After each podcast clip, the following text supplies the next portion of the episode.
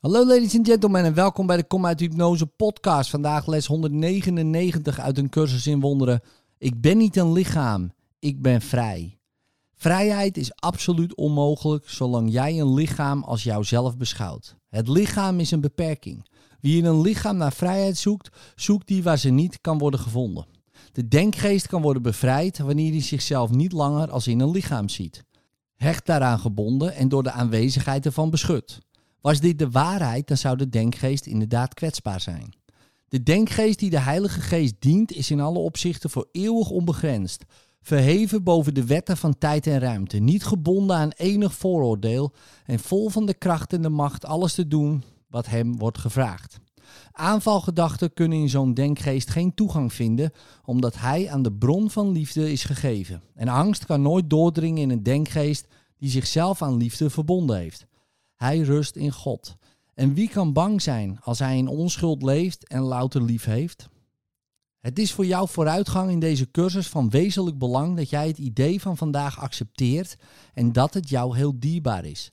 Bekommer je er niet om dat dit voor het ego volslagen krankzinnig is. Voor het ego is het lichaam dierbaar, omdat het erin huist en met het huis dat het gemaakt heeft verbonden leeft.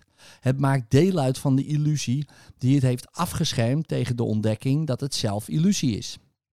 Hier verbergt het zich. En hier kan het worden gezien als wat het is. Proclameer jouw onschuld en je bent vrij. Het lichaam verdwijnt omdat jij het niet meer nodig hebt. Afgezien van de noodzaak die de Heilige Geest erin ziet. Daarvoor verschijnt het lichaam als bruikbare vorm voor wat de denkgeest te doen staat. Zo wordt het een voertuig dat helpt om vergeving uit te breiden tot het allesomvattende doel dat ze dient te bereiken, overeenkomstig Gods plan. Koester het idee van vandaag en oefen het vandaag en elke dag weer. Maak het tot onderdeel van elke oefenperiode die je houdt. Er is niet één gedachte die daardoor niet aan kracht wint om de wereld te helpen. En niet één die niet ook wint aan extra geschenken voor jou.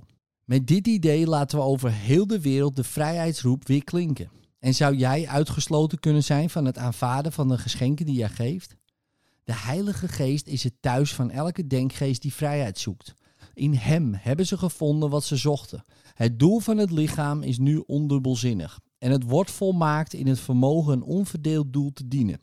Conflictvrij en eenduidig reagerend op de denkgeest met slechts het idee van vrijheid als zijn doel, dient het lichaam en dient het bekwaam zijn doel. Zonder de macht iets te kluisteren is het een waardige dienaar van de vrijheid die de denkgeest in de Heilige Geest zoekt. Wees vrij vandaag. En neem vrijheid mee als jouw geschenk aan hen die nog geloven dat ze in een lichaam gekluisterd zijn. Wees jij vrij, opdat de Heilige Geest gebruik kan maken van jouw ontsnapping aan slavernij, om de tallozen te bevrijden die zichzelf als gevangen, hulpeloos en bang zien. Laat liefde door middel van jou hun angsten vervangen. Aanvaard nu de verlossing en geef je denkgeest aan Hem, die jou oproept Hem dit geschenk te geven.